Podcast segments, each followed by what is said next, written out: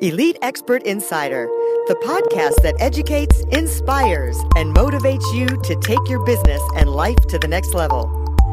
We would like to thank Audible for supporting Elite Expert Insider.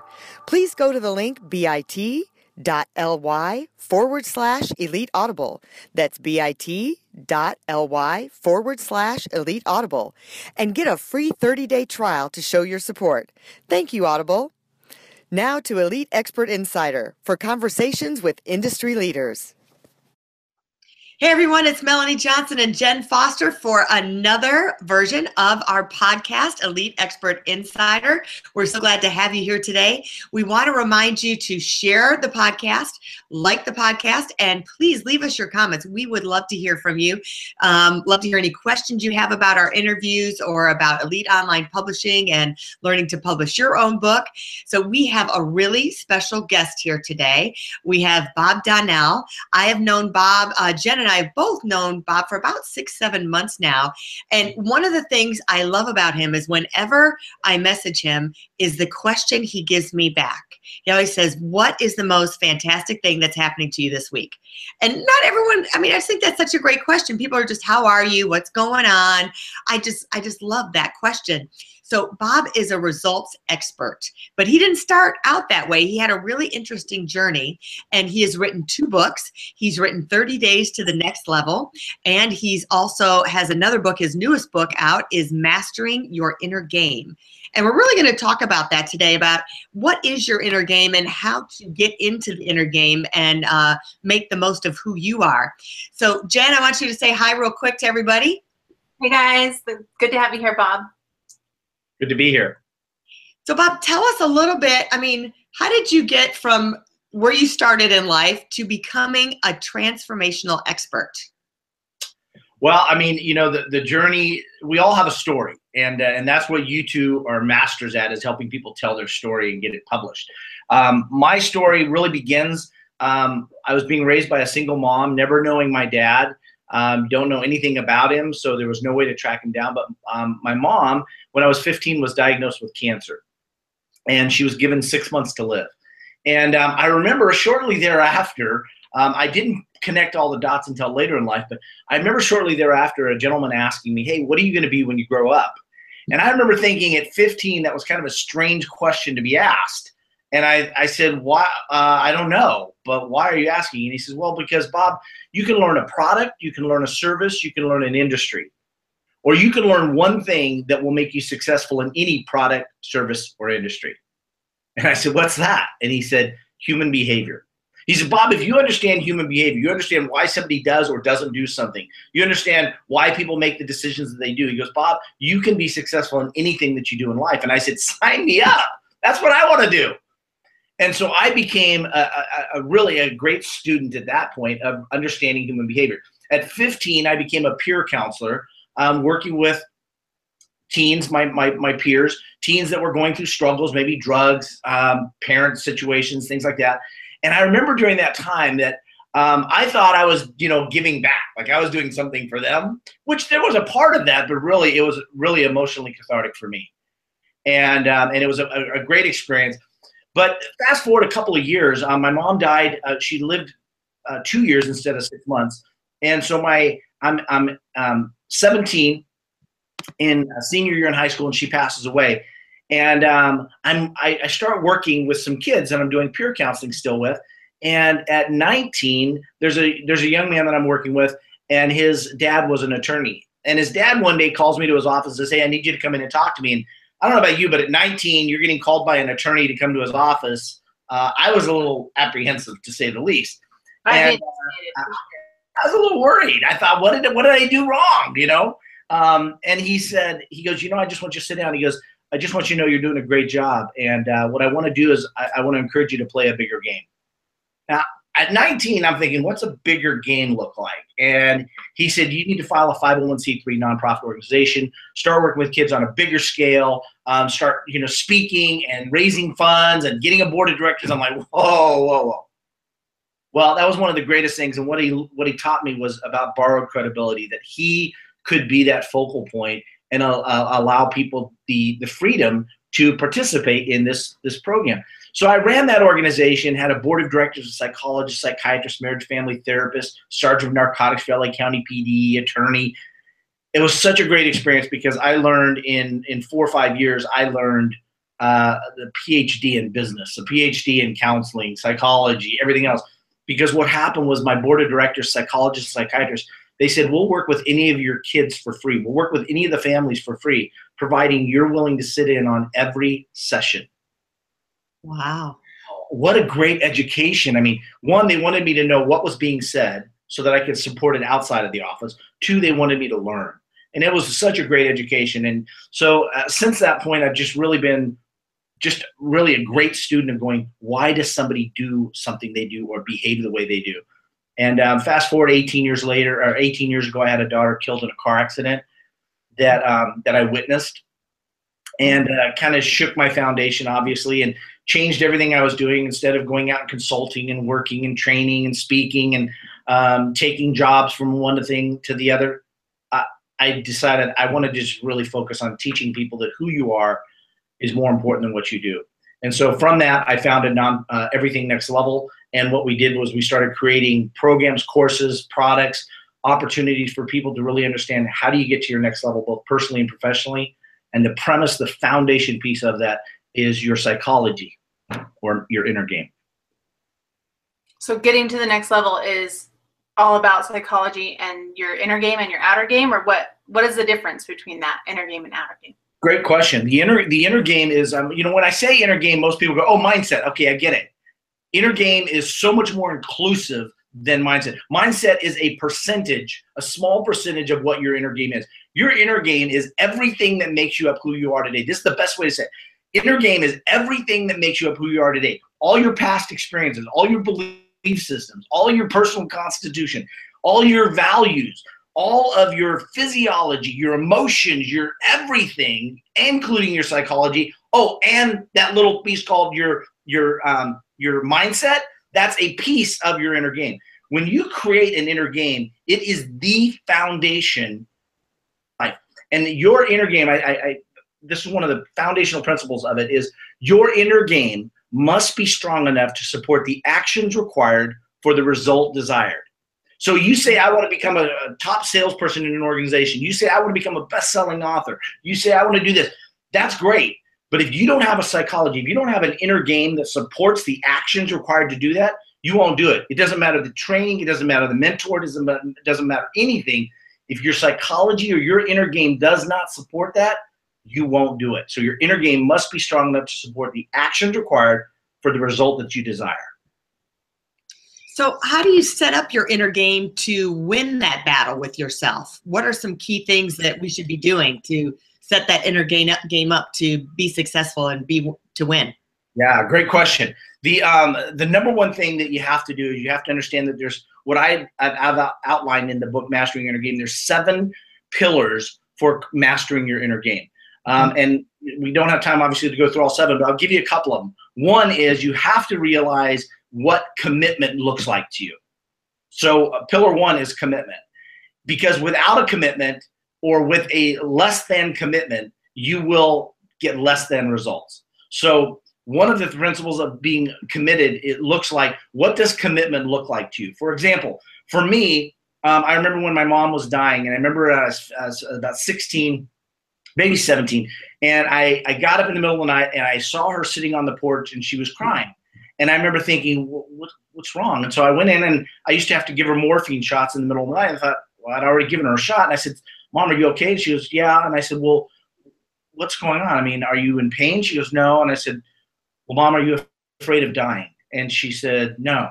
She goes, Bobby, I know where I'm going. And I said, Well, what's going on? Why are you crying? And she says, Well, Bobby, he goes, I'm afraid that I won't be here to see you graduate high school. And I remember thinking at even 17 or 16 and a half, 17 years old, I remember thinking, holy cow, you're in pain, you're going through chemo, you're dying. Uh, it's bleak. And your biggest concern is being here for me when I graduate high school. And I thought, wow, that was commitment to me.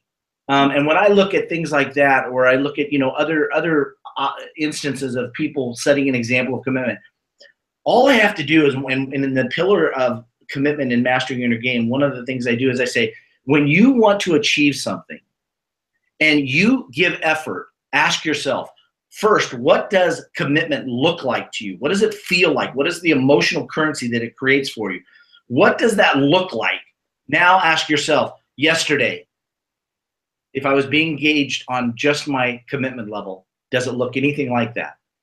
And if not, then I have to either raise my standard and do better, or I need to decrease what I'm expecting. It's kind of like the guy who goes out to buy a Ferrari, but he's only got $5,000. Right. He either needs to settle for less than a Ferrari, or he needs to raise his capital because he's got to be able to achieve what he wants to set out. And if not, he needs to understand that he's going to have to settle for less. I'm not a fan of settling for less. So I'm always about raising our currency, raising our capital, personally, relationally, all of that, and helping us.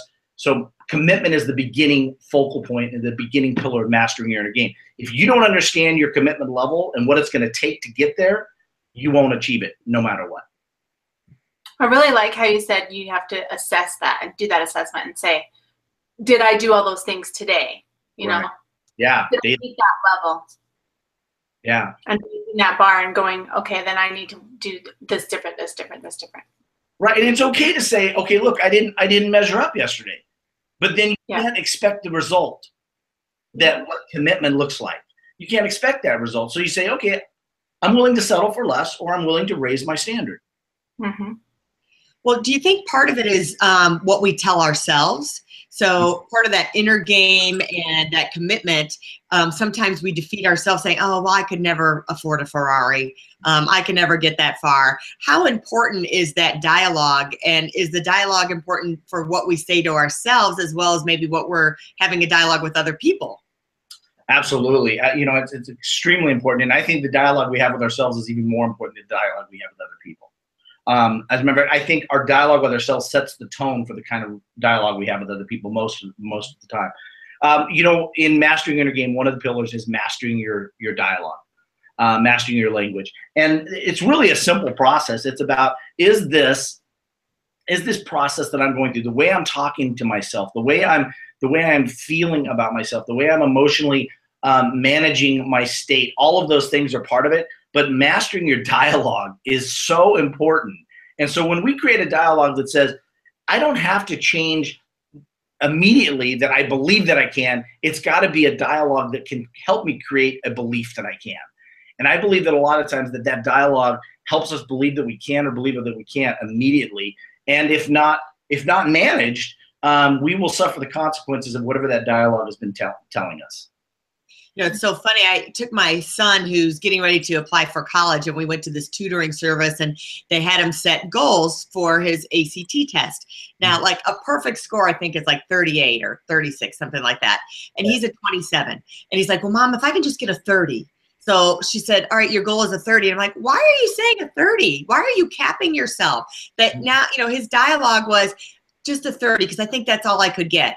Well, then that is all you're going to get. Make your dialogue to say, I'm going to get a 34. I'm going to get a 35. Shoot for that.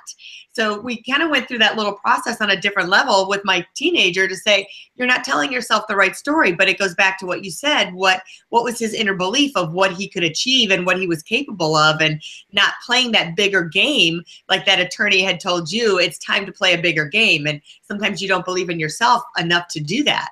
Yeah, absolutely well. I mean, it, it's it doesn't matter what age we are, and it doesn't matter what the objective is that we're trying to reach. Mm-hmm. If we if we don't have a dialogue, again, that's one of the seven pillars.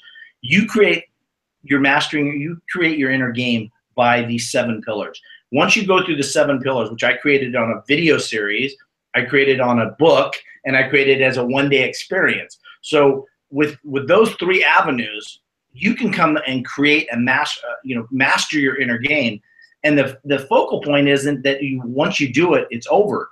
It's like going to the gym. Just because you lose the 20 pounds and you have the six pack, it doesn't mean you get to eat like crap, and it doesn't mean you get to just never go to the gym again.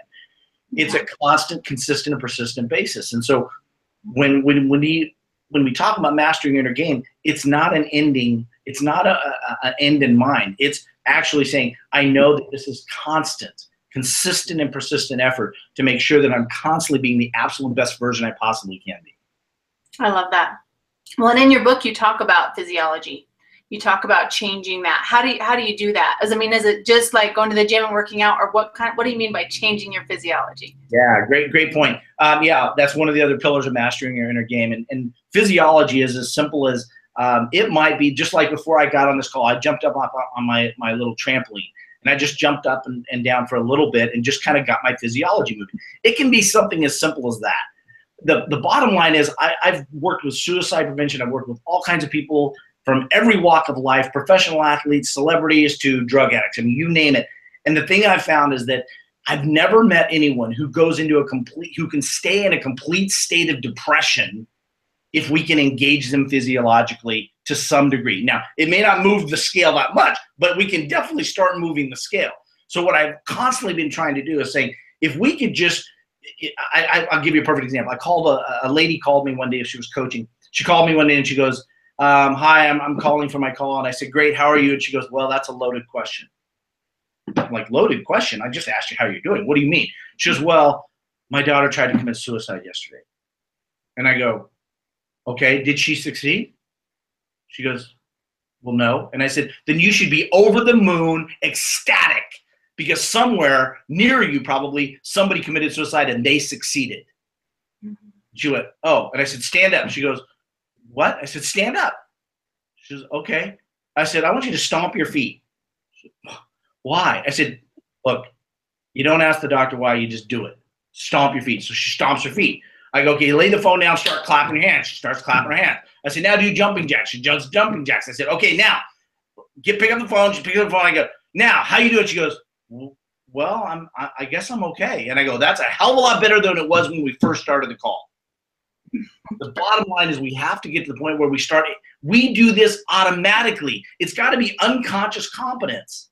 And so part of that thing, it might be just doing 10 jumping jacks. It might be doing five sit-ups. It might be doing walk around the building. It might be, um, you know, you know, dancing. I don't care what it is, but something to physiologically engage our body when we start breathing correctly and we start moving our body, we move from one state to another. Again, it might be just moving the needle a little bit, but I guarantee it begins the process of moving the needle so that we get better results. I love that. Yeah, I went to uh, Tony Robbins and he talked about that two millimeters. It's like yep. that. Move the needle just a little bit. Even if you just did five jumping jacks, you'll feel way different. Or even just stand up, sit down five times, and you feel way different. Absolutely. Tony is absolutely a master. He's brilliant. That's amazing how just getting the blood moving in your body can totally change how you feel. It changes yeah. the oxygen level, changes everything.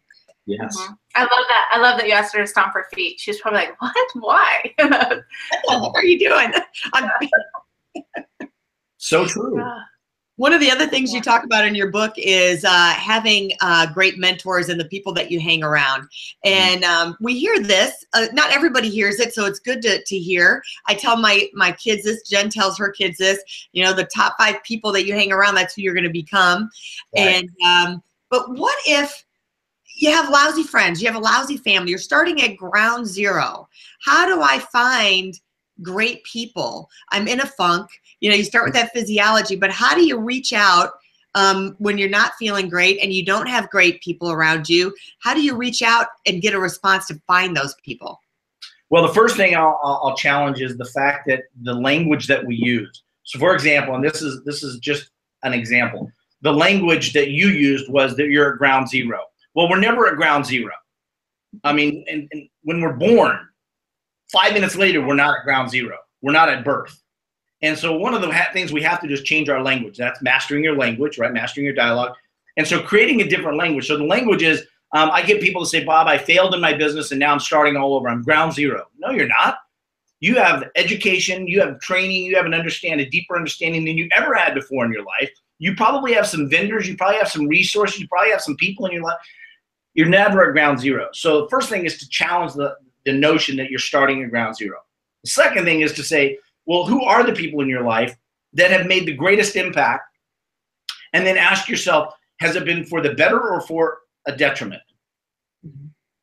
And then find those that have made a betterment. Maybe they haven't always agreed with you. Maybe you haven't liked them. Maybe there's been some some uh, some conflict, but maybe they've sharpened your saw. Maybe they've ed- given you a little bit sharper edge. So start thinking about from that aspect. The second uh, aspect, the second thing that, or the third thing that I constantly encourage people to do is start surrounding yourself with some different people. Now, what does that look like? Well, if I want to become successful in um, Olympics, uh, you know, going for the Olympics, I'm going to start surrounding myself with people who have done that. Ruben Gonzalez, um, uh, you know, um, some some other people that I know that are success have been there, done that. But I also surround myself with people who just have a greater training. So maybe they haven't been to the Olympics, but they know how to train. So I'm looking for that. But I'm looking for the people who who model the behavior that I know that I need to have to get there. The third, the fourth thing that I do is I'm constantly saying, who can I bring into my life right now that I can help make them better and that they will make me better. You know, John Maxwell talks about that we're in an age of association. Never before has it ever been as important to be associated with people of influence. And so, whether we're associated with them because we're doing business with them, or associated because we attended a function with them and we became, you know, connected, whatever it is, can we start putting ourselves in the right places? And I think that's probably one of the biggest things that I find is most people don't put themselves in the right place. They go, Well, I always do this. Well, that's probably a bad thing to do then. If it's not giving the result you want, stop doing it always. So it's not about saying, I want all these people out of my life. It's about saying, Can I start bringing some new people in? So I might attend a different function than I typically attend. I, I have a, a program that I started six years ago called Next Level by Association. How do you get to your next level? By associating with the right people. Next Level by Association, I host once a month. I host a private dinner for members only, and I bring in a guest of honor, somebody that is from my personal Rolodex, and that person just shares their story, how they got to where they're at. It's not about teaching. It's not about you know selling or speaking. It's really about developing an association. The members of that community are there for one thing. They don't pass out business cards. It's not a networking event. It's about building relationship currency with each other when you start putting yourself in places, and some people always say, well, Bob, you know, it's because I'm so uncomfortable. I don't feel like doing it. Good. The more uncomfortable, probably the better. So I say, put yourself in different places, put yourself in different environment, and ask this question: If I if if I wanted to be successful in physiology and finances and business, where where do this most successful people in that genre? Where do they hang out? Where do they associate? Where do they spend their time? and then be there. It's a it's it's a simple process, but guess what? I know very few people who do it, and those that do it typically are masters at what they do. Yeah, I love that, and I think it's important to to think about all areas of your life because you know it could be in business, it could be in family, or it could be you want to be a foodie all of a sudden. So where do those people hang out? You know, join a meetup or there's a meetup I think for everything. So meetup.com you can go and and you go to the networking group for business and you know if these are your people or not right right wait right. No, this isn't the level i need i mm-hmm. need to go to a different place right so then well, you move to the other networking group or a bni or yeah. or even higher than that and do a different one that's paid that's more paid so you know there's there's a lot of stuff yeah in in uh, in connectology which is another course i have and another book being written right now but um, in connectology what i teach people is and in my entrepreneur association i teach this principle of having a criteria. What's your criteria? So like before you go to a networking event, ask what is your criteria. So with my with my members, I walk them through a process that helps them develop what's a criteria for their client. Not an avatar. An avatar is age range, volume, dollar volume, all that kind of stuff. I'm talking criteria. So I have six criteria for a client of mine. One of those is open-minded because I don't do things every, you know, the, the same way everyone else does. I need them to be open minded. So when I go to a networking event, I have questions that help me identify each of those six criteria for my for for people for my clients so that I'm asking the best questions. You brought it up earlier about asking better questions. I believe that the quality of your connection will be determined by the quality of questions you ask. And so when you ask better questions, you get better answers. So when I walk into a networking event, I'm armed like a quiver, I'm armed with six questions that'll help me identify six criteria that I have for a client. Because if I'm talking to somebody and they don't match all six, they're not a potential client. See, these are non negotiable criteria. So when I talk to somebody, I might, if I'm wanting to know if they're open minded, I may just ask a simple question. I meet you at a networking event. I say, Hey, Jen, nice to meet you. Do you mind if I ask you a different question than what everybody else asks you? Guess what? They always say, yeah, yes, please do. They don't want the same question. So I say, here's the question. Jen, um, when was the last time you did something for the very first time? Now, how she answers that is going to help me determine whether she's a potential client or not. She may say, "Oh, uh, it's been a long time because I'm a creature of habit. I like to do things always." Well, guess what? If that's her answer, the odds of her being a very good client for me are probably not going to be very good because I want open-minded. I want them to be able to do things differently, right? Right.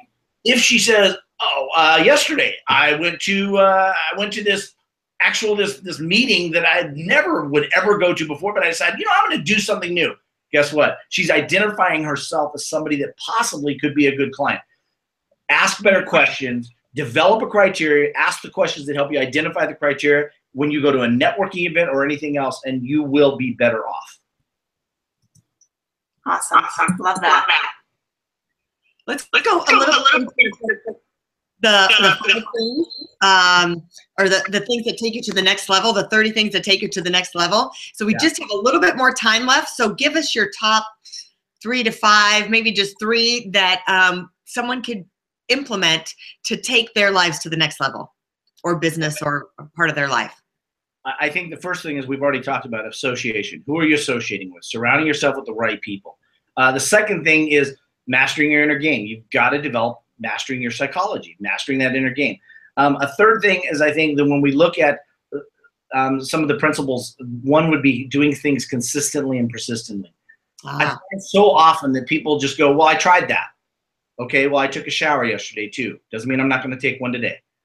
You know, we've got to do. We've got to get to the the point where we start realizing that this is not an an once in a lifetime, or that we do it for a little while and then we stop. It's a consistent and persistent basis. So it's not what we do once in a while, it's what we do consistently and persistently that will give us our next level result. So I ask people monitor and measure what it is that you're doing that's working, and then rinse and repeat and increase intensity. Develop some emotional currency behind that. Um, that would be probably another thing that I would say is develop emotional currency. People tend to do things without emotional currency tend to get be- uh, tend to get worse results than those that have emotional currency. If I told you, Melanie, um, I want you to to uh, pick up five new clients by the end of this month, and you said I'm all in, and I said great. Now I want you to do it, or a uh, one of your children is going to die. You will become even more all in. Yeah. Because you become emotionally current and you become emotionally connected to the outcome and now you've got a higher level of emotional currency. I get told all the time bob i'm doing everything i possibly can to increase my sales to have a better relationship to have better health doing everything i possibly can. I say really? If i told you that one of your family members was going to die if you didn't increase even a little bit more would you do more? Well yes. Well then you weren't doing everything you possibly could before. Because the hmm. answer would be no even then yeah, the game totally changes. All of a sudden, your mind thinks, "All right, I have to do this. What else can I do?" Because you're in that box. You gotta, I gotta get it done, no matter what, no matter what. And your mind starts to try and find the answer and the solution to getting those five clients. Yeah, absolutely. Yeah, I think that happens, and I find myself doing that. Like, okay, I've got to get this done, but I don't have that urgent click to think outside of the box and do whatever it takes to do that. Right yeah, creating a sense of urgency is one of the number one things. People, I always say that um, procrastination and fear will always take a backseat to a greater sense of urgency. Mm-hmm. Procrastination and fear will always take a backseat to a greater sense of urgency. It's about developing that emotional sense of urgency about whatever it is that we're going to do that will help us get better results, which will actually help us get to our next level quicker rather than sooner rather than later. Love that. Bob, tell us where people can find you. How yeah, they can go to everything. contact you. Okay, everythingnextlevel.com is my website. You can go there. Um, everythingnextlevel.com uh, is uh, both a personal and professional uh, professional website for people to reach their next level personal and professional. We have our courses on there. Um, they can call in a number if they want to 949 542 6398 949 542 6398 um, both of those, or on Facebook, go in and look at. Um, I've got a page on Facebook, Bob Donnell, and um, there's lots of content there, lots of information there, and uh, I'd love to stay connected with people. And tell us a little bit about because um, you ask such great questions and you're uh, a wonderful mentor and you do get results for people. Um, what is a way that you offer? You offer a membership site. Tell us a little bit about that in case someone's interested and wants to join. Awesome. I have what's called Next Level Entrepreneur Association, and the coolest thing about that is it's not always an entrepreneur. It might be somebody who's you know works for a company, but they've got an entrepreneurial entrepreneurial mindset. They want to achieve better results what I do is I host a weekly group coaching call for those people. It's laser focused, so there's not a, a lot of story. Sometimes you get on a coaching call and they're talking forever. It's very focused. And then we also do uh, four times a year that they have access to a mastermind. So they can either come here personally or they can be on. Um, we have a, we have an online platform where they can participate from wherever they're at. But it allows them to to actually um, in, encompass and embody their their greatest challenge, and then we laser focus how we help them move past that challenge. So it's it's simple process. I mean, it's um it's online. You can take a look at it. I do have an offer for um, for people to to uh, to sign up for it for different than what's online. So just reach out to admin at everythingnextlevel.com, admin at everythingnextlevel.com, and we can get you a special code because um, you'll save you'll save money right off the bat. Terrific. Thank you. We appreciate that for our viewers, for everybody out there. That sounds great. Yeah. Thanks so much, Bob. And um, we hope to see you soon and talk to you soon. Thanks, everybody, for tuning in. And uh, remember to uh, like this broadcast, share it. There's so much great content that he just gave today. I mean, this is things that can take you to the next level. If you're a business person, an entrepreneur, a parent, I'm going to use tons of this stuff on my kids, let alone my business. So you can use it for all aspects of your life. So make sure you share it to others so everyone can be phenomenal. So uh, tune in next time time and make sure you like and share and uh, pass it on. And we'll see you on our next uh, podcast. Thanks, Bob. Thank you. For more information about us, go to eliteonlinepublishing.com. To get your free book, The Accomplishment and Success Story Starter, simply text your name and email to 832 572 5285. That's 832 572 5285. We'd also like to thank Audible for supporting Elite Expert Insider. To get your free 30 day trial, please go to bit.ly forward slash elite audible.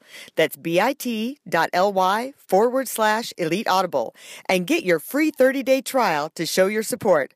Thank you, Audible.